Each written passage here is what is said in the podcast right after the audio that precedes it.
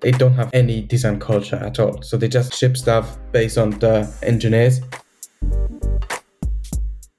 If you have two or more people that are technically responsible for that, it's never going to happen.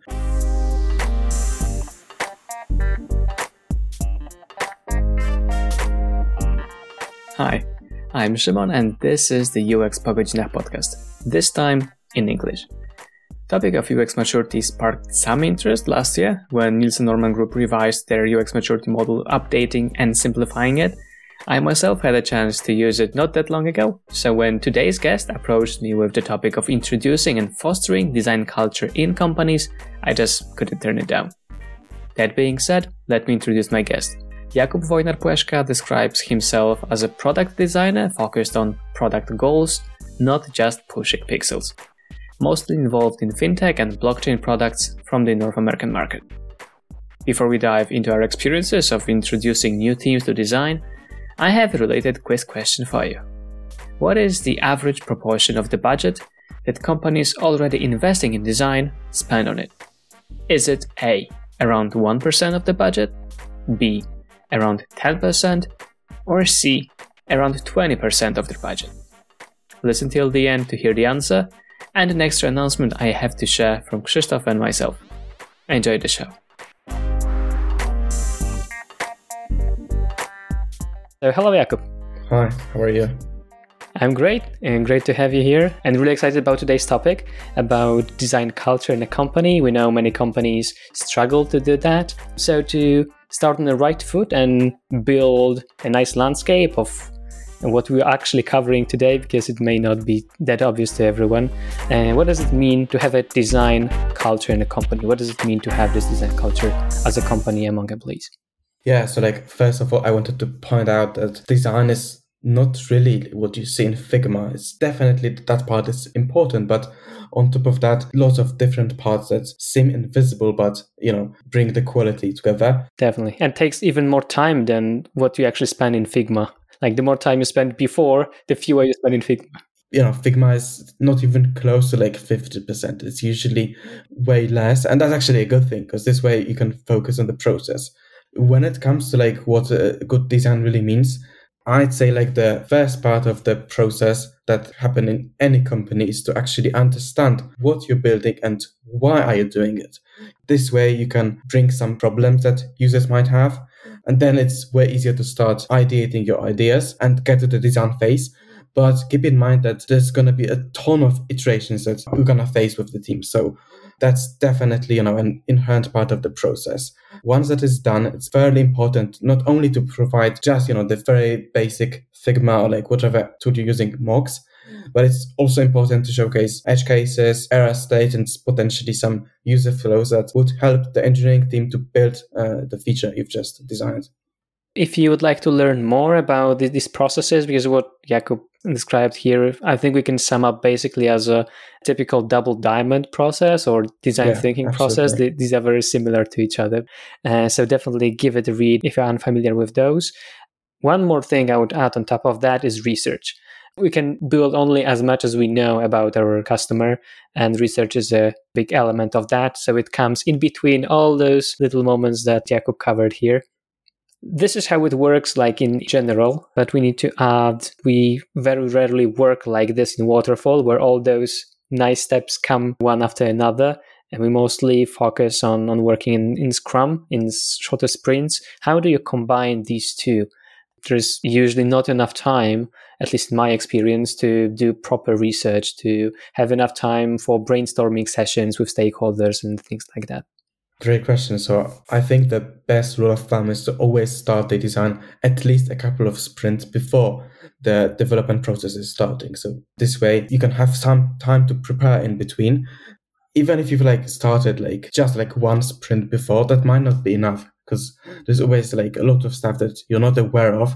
Like I had a case where it was basically a construction workers platform and the client really wanted to have like a built-in chat mm-hmm. but like we've managed to do a proper research case studies with their clients and it turned out that these workers they just wanted to have a phone number and just call that person and because of that we've cut the scope entirely and just like move on to the next feature that made much more sense I have also another example where our process worked out really, really well. Uh, and it was also in a startup where I worked together with Krzysztof. Fun fact was that he was actually the first employee in a company and he was a UX researcher. He did extensive research. Uh, and only after that, after having brainstorm session, narrowing down customer journey, then I came to play to prepare uh, user flow based on this. And only then developers started actually working on the front end and uh, on the solution itself. Previously, they were just preparing themselves and all backend and setting up environment that they needed, and it all worked really, really well afterwards. But if we have a company or if we have a product and we want to somehow evaluate, okay, where are we here at? Because we covered many things, many tools, quite extensive process. How to evaluate ourselves, where we at, and do we do it properly? Do you see any patterns in companies yeah, I mean, I would definitely see like three main types of companies uh, that I've worked with or like heard of. The first one is that they don't have any design culture at all. So they just ship stuff based on the engineers and they just don't have like anything that's consistent or like they don't do any research, just build stuff. That isn't essentially so bad because it might depend on like um, how you iterate and like how you actually ship the first feature of this product. MVP usually. I mean, I don't have any problems with like shipping the MVP without any design at all. Unless you have a solid founders that just do the research part very well, which doesn't happen that often.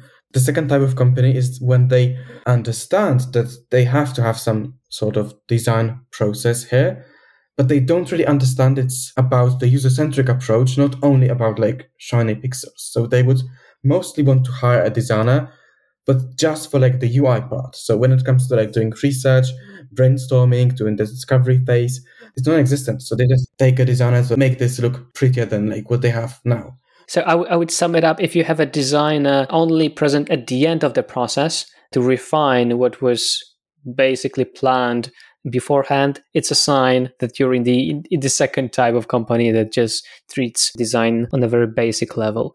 UX should be implemented much, much earlier, and designers should be implemented in the process much, much earlier at the very beginning, basically. In in my opinion, if the designer is actually the last stage of product development process, it means that like the value alignment is definitely off. Definitely. And what's the third type of company? So the third type of a company is an organization that has well-defined process, not only when it comes to like design, but also when it comes to like shipping features, building new components of the app. And that type of company is usually data driven. So they don't really make any decision based on like gut feeling, but they just base their assumptions on observing the users, which is definitely helpful in terms of scaling and building anything that's next. Yeah, definitely. This is the go to company. And the last two that you mentioned, I see a lot of overlap in between these two and the process that Nielsen Norman Group came with.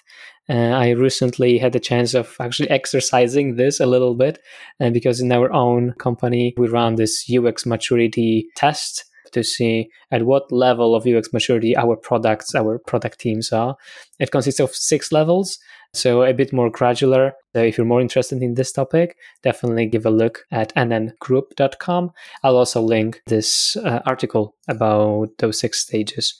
Uh, in the description below. And also, there is a very useful questionnaire to complete. It takes around 10 15 minutes to do. We did it in our company as well. And it really helps you to, to see where we're at. You can do it at your own company. Just be honest in the answers.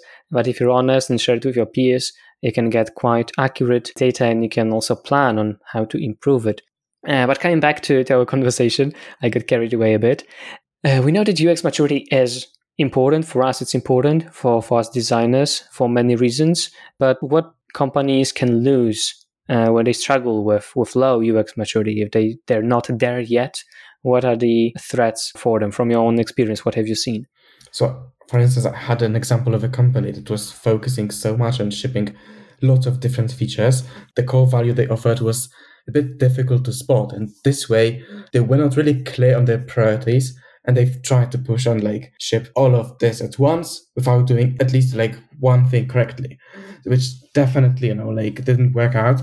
The product was packed with different features uh, and so on, but it was very difficult to use because they've never assumed that the user is less tech savvy than they were. Mm-hmm. So, what do you think was the rationale behind it? Why did they prioritize shipping all those features without putting enough enough effort in actually preparing to ship them? Yeah, I think in that case they had a false perception that if the designer is only going to be responsible for like the UI part, they're going to save money. But at the end of the day, they've wasted a lot of money because they've just uh, pushed the ship so many features without understanding, without un- understanding that some of them might be actually redundant might be too overwhelming for the first user segment. In my opinion, mostly comes from the fact that we're further away from the final product. So maybe it's difficult to see that much value in a designer uh, if you can get a developer who can actually do this thing. Speaking about research, it's even more far away. So investing in that can be abstract for some people.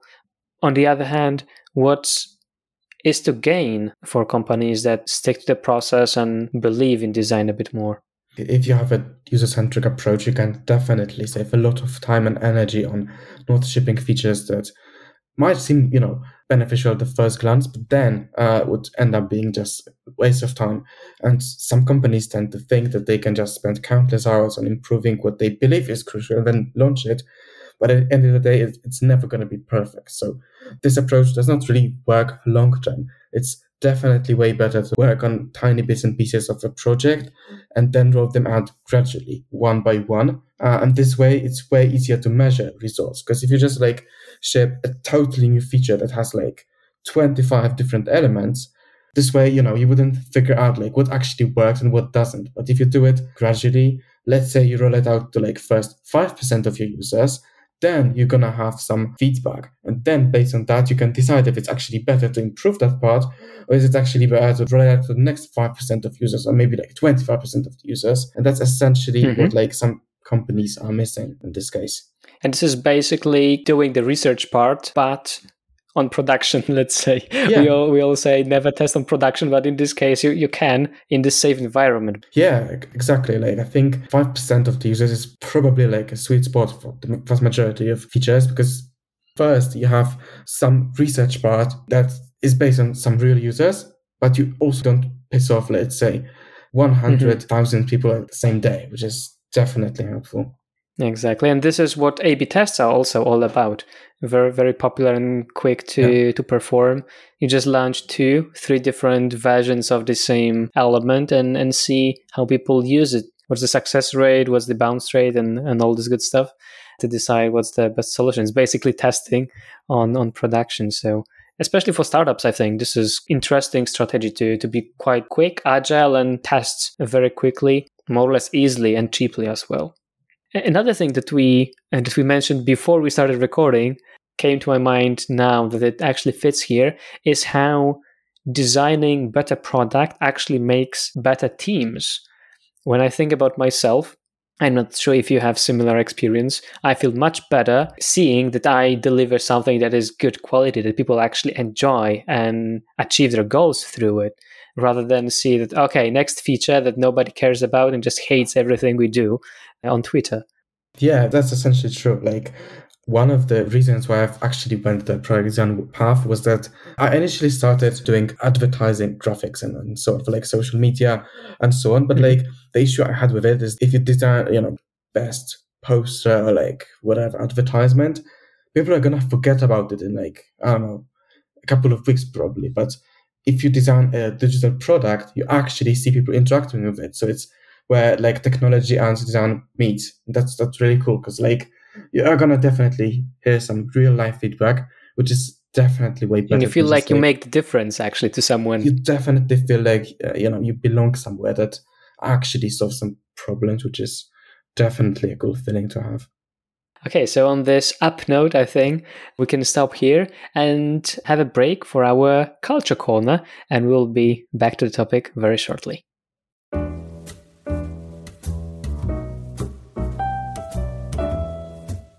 So, in a culture corner, in an old habit of ours, we are asking about an interesting book you can recommend to us. So, Jakub, what have you read recently and can recommend to us? So, I've recently read a book called Rise of the Robots by Martin Ford. It's essentially about how the world is evolving in terms of automation and uh, development of technology.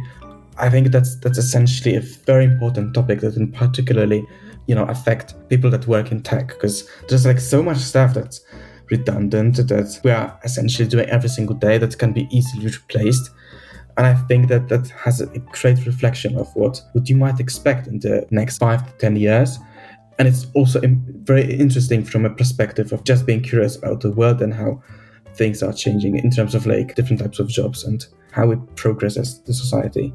Perfect. And on this occasion, if someone is interested in AI taking over designers' jobs and whether it's possible in a close future, we had a dedicated episode about this with Łukasz Okoński. Just bear in mind that it was recorded in Polish, so it may limit our audience here. But if you're interested in this topic more, I highly recommend uh, giving this episode a listen. And on the topic of our conversation today, do you have something to recommend to read, to watch that can help in introducing more user centric approach in our companies. I would definitely recommend the book called Articulating Design Decisions. It's a very well constructed framework of explaining your decisions and working with different types of stakeholders. I would definitely recommend that. And on top of this, I would uh, also send a few articles that are going to be linked down below. Thank you again. And yes, you can find those articles linked in the description. Without further ado, we're coming back to the main topic. Back from the break, back to the topic, and previously we painted the picture of what user centricity actually mean and how it can benefit the company. Um, but what if we are stuck in the position where like it's not perfect? I think no no company is perfect, but we definitely see our company struggles, our product struggles, we struggle as designers or owners, and we would like to do something about it. And so, what would be your first steps? based on your experience to aid that and to introduce more user-centric approach in the company yeah, I think from a design perspective, it's not to expect anything to happen overnight. It might happen that, like, you know, you land in a project, you go through the research part, and then you're about to like design the next big thing.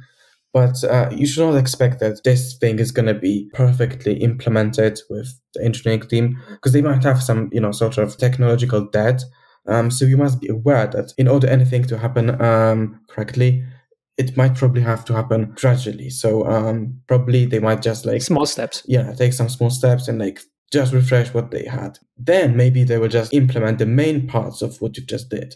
And this way, probably in sprints, it's gonna start making sense.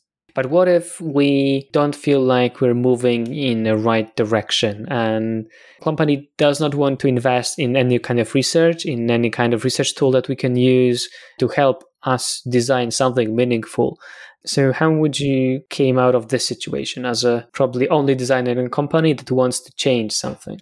I know it's difficult at, at, first glance, but if you do it correctly, then you know if any other project is going to be way easier. So what I would actually do is I would show the stakeholders real life examples of projects that had the research phase and then show them how it affected the design because they would mostly have perception that they can just give you the deliverables that you're gonna like design it and that's gonna be it but that's it's not the case. So you just have to present concrete examples of how research affected the end design and then that should actually help a lot. You can obviously do it in a gradual way. So like you know you're not always going to have the opportunity to have every type of research that you wanted to implement. So you can at least try with like the basic, like have a brainstorming session with the team, at least, you know, create some basic user flows and then uh, have a proper discussion about how could we actually improve it instead of just, you know, diving deeply into Figma from the first day. Exactly. Also, research doesn't have to be that expensive always. There are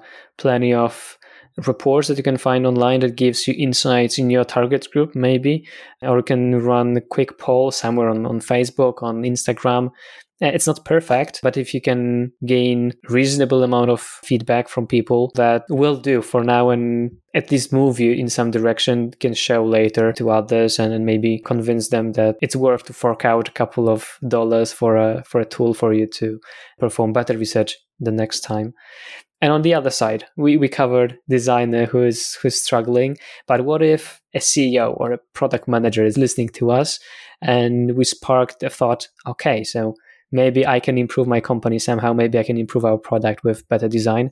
What would you do in their case? In that case, I would definitely suggest to assign a decision maker that would always be in charge of scoping the project, being responsible for the quality.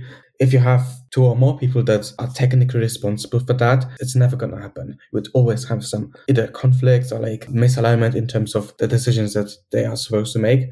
So that's definitely helpful. Mm-hmm. And I think at the vast majority of companies, the founders are usually aware that they're not going to have that much time to be always responsible for that. So there's probably a point where they just assign, you know, like a product manager or like a scrum master to the project, strictly one person responsible for making all of these decisions instead of like having that person plus like the founder to chime in once in a while because that's never going to work mm-hmm. correctly. Should this decision maker be a designer? Or do you mean like hire a designer who would make decisions for you, or it doesn't have to be a, designer? It depends on like the maturity of the company. Maybe, you know, when, when the company has like 300 employees with 20 designers on board with, you know, different levels, that might work. But I would say that like in this case, it's it's definitely able to have just like a product manager probably just hmm. responsible mm. for like that part of the project if, if the company is big enough so this way they can focus on just one path provide better quality of feedback. And in your experience, what's the like average time when UX designers are being introduced to the product? I'm just trying to get in mind of a CEO who decides, okay, now it's time, we need a designer. When is that time? I think there are two ways of doing that. One way, like the biggest one, is that like the company is being founded. They just have like seed stage funds. So they would just, you know, mm-hmm. hire the whole team from day one. I think that actually happens quite rarely. So, like in this case, what I've actually observed company do is they just start very small. Usually, it's just even like a side project they do after hours, and then they actually go full time, work on the project. They might need a designer, but mostly for like a contractor role, let's say a part time kind of arrangement. And then that mm-hmm. actually is scaling organically. So it's it's kind of difficult to judge, but I think these days, especially companies are already aware that they will have to have some designers at some point. So either like they have uh, the MVP done by an agency that is just like doing the research phase by themselves, or they might just have an internal team from day one, which also makes sense, just dependent on like the use case and size of the company and what they're actually aiming for. Yeah, definitely. But you, I think, sneaked in a real nice tip in here that you don't always have to have a full time designer all the time at your disposal. It's actually very frequent and efficient to, to hire just a freelancer for a couple of hours a week, for, for one day a week, for two days a week later on, and let this person grow with your company because well prepared design if you lay a nice foundation for a designer we can work really efficiently really quickly and actually coming up with some solutions when you know what you're doing and why you're doing is not that difficult. Problem is when you don't know what you're doing and you're trying to figure something out out of the blue this is really time consuming. Just stick to the process uh, hire a designer for even a couple of hours. I think you will see great benefit in it without ruining your budget at the same time. Yeah, the idea of having a part-time arrangement versus full-time arrangement is getting quite outdated because it's not always that easy to just assign a specific role for like a fixed amount of hours. I had a case where it was like a small uh, software as a service company from the US where the CEO was actually a designer before that. He was just like run multiple agencies, I think. Um, and technically, that allowed me to just not have that much of an arrangement. I wasn't working there like full time because it wasn't really necessary. Like there was definitely like a lot of stuff to ship, but because he was a designer himself, it didn't make that much sense to have like anyone full time. And like even now, he could oversee many things from a designer's perspective as well, right? Yeah, and even now he's got like a few hundred thousand users he still has less than 10 employees, I mean, full time employees, and also like works with a lot of freelancers because there's no need to have that many people full time if you do it in a smart way. Out of your experience as well, uh, can you share what are the main obstacles to overcome uh, when working on the user centricity in a company? I know you introduced the design process to, a few at least. So, what were the main obstacles for you to overcome main issues that arose? I think you know the first obstacle is actually the resistance to, you know, have a more defined process. Um, it usually stems from like companies' ego and the belief or like the false belief that they don't have to do research because they're experts in their fields. That client I've previously mentioned had like 15 years of experience in the construction area but that doesn't essentially mean that they know all of these details, especially from like the other perspective, which is the perspective of the worker, not like the, the company founder. So I think that's definitely one of these components. The other obstacle I've spotted is that some companies have a false perception they will save money by not doing research which for us designers that might sound absurd but like mm-hmm. they really believe you know if they just like cut uh, the time for doing the discovery phase, they will actually have more time to spend on designing stuff, which is a false feeling. Yeah, the thing that comes to my mind, maybe not not when working for smaller companies, because there tend to be a fewer design work and more concept work, but in a bigger company where you have bigger projects and bigger developer team working on it, I find like the pressure to develop next features and the upcoming features, some requests from different teams day to day tasks such a big number that it's difficult to fork out some extra time for research, to follow proper process. And it can be quite challenging, but usually in, in bigger companies, at least this is how it should be. The process is already better structured and the awareness of user centricity is better. So it's not that much of an issue, but this is something I'm personally struggling with. Uh, so another thing that comes to my mind are limitations is like user centricity and proper design process for everyone, for every company. I'm thinking some I know B2B companies that focus on uh, some really niche areas. Do you think every company, every startup needs UX and needs to focus on UX that much? I think they definitely need to focus on UX and actually understand why they're building a certain feature. But it doesn't essentially mean they have to have someone full time and check all of these boxes. For instance, maybe for like an enterprise type of company, they might not have to invest that much money into making stuff look pretty, into making a proper design system, but maybe they should just spend that money they would have spent on design on, you know, doing a lot of research and actually validating their ideas. So I wouldn't say, you know, it's never a must, but there are essentially ways that you can adjust uh, the process to your needs. There is always someone on the other side who you need to adjust to. So even if it's not a product, maybe process or or something around that to be optimized for your recipient of your of your service. Basically, I agree with that. Uh, another thing that comes to my mind is is timing, maybe where you postpone UX work for some bigger goal or maybe low hanging fruit that you need to grab quickly. Example from recent client of mine, where for the first two months of the project, we just focused on polishing UI and making product look better because they needed revenue. They wanted to sell the product first and have later some extra time to polish it to make it actually more useful. But first, they wanted to gather any users so they could start actually testing it. And I wasn't a fan of this approach at first, but I definitely get that business needs are sometimes a bit different. Have you experienced something like this where you had to maybe adjust your process? Yeah, like uh, there's probably like no case where like 100% of the stuff you wanted to have is, is done. Definitely. Yeah, it's, it's usually like adjusted you know per specific use case really. Yeah design is always a trade-off. It's always a trade-off. There's n- nothing that you can't do but there are certain things you can't afford or don't want to afford. It's always a trade-off definitely. Yeah. okay so maybe to, to sum up slowly because there is already plenty of time on, on the clock does any any changes come to your mind? Changes that you noticed uh, when more customer centric approach has been implemented in a company that you worked for what was the kind of change that you've seen once your work started to, to show its fruits, basically? So, from my perspective, what I've observed was that priorities started to be more concrete than before.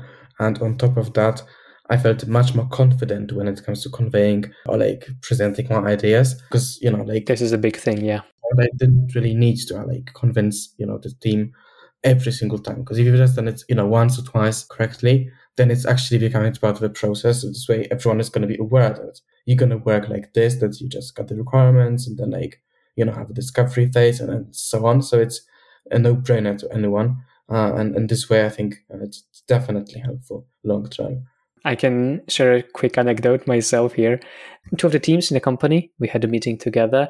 The other team wanted to use one of our features. Uh, I was on the meeting, and one of our backend developers was on the meeting as well. I was there to basically make sure that they don't butcher the solution too much and we still are within our user needs and everything is according to the process but meeting lasted for an hour and i think i didn't need to speak at all like our backend developer did such a great job advocating for all the design decisions we've made uh, sharing some findings from the research we've done a couple of weeks back. He advocated for users beautifully. Backend developer that you usually don't don't think they are capable of doing this and they don't do it that often. He did perfect fantastic job. So i definitely could feel that i did my job well i think here. Uh, so other people can be advocates for the users and and really understand what are we doing and why are we doing this. So the last question last but not least our conclusion. How do you explain to your family and friends what do you do for a living? Yeah i think with friends it's actually relatively easy because the word like ux or like product designer is actually quite common maybe like six or seven years it, it wasn't but i think it's it's fairly easy to understand. But when it comes to like family members, especially elderly people, I just say that I figure out how mobile programs are being built and like what screens they have, like from like a very basic level, which usually works. Some people ask me if I'm just doing like graphics. So I, I was like, yeah, okay, yeah, I, yeah, I'll do graphics. Fine if someone is not that much tech savvy, that's, that's probably okay. Definitely, definitely. All right. Uh, thank you very much for, for today, Jakob. Uh, we had a great time. I think we shared plenty of insights and hopefully inspired someone to introduce more user centric processes in their companies. Uh, thank you again for today and everything best for the future. Awesome. Thank you as well. Take care. And this is it for today. If you enjoyed it and want to hear more, please leave us a rating in Spotify or Apple Podcasts. It really helps us grow, reach broader audience, and motivates us to keep doing it for free, basically. Staying free and independent is important for us. There were no advertisements in our show ever, but we definitely see we managed to build a community together, and the support we received from you all was and still is immense. We want to keep building on it, share our knowledge further. Therefore, we launched a UX research and design agency together. It might be unexpected for some of you, um, but it happened very, very recently. It's called Koala, and we hope it will allow us and the podcast to grow further through our services. At the same time, the podcast stays intact, no changes on that front. If anything, it can only bring more and better content to you in the future, so don't worry about that. With that announcement out of the way, there is only one thing left, and this is the answer to our quiz. To recap the question, and the question was what is the average proportion of the budget that companies already investing in design spend on it? And the correct answer is answer B, around 10% of the budget. This number comes from the research conducted by the NN Group two years ago. Interestingly, this proportion hasn't changed in the last 15 years, despite significant changes that happened in the design industry over that period. Link to the full article can be found in the description. Thank you for listening. Until the next one. Bye.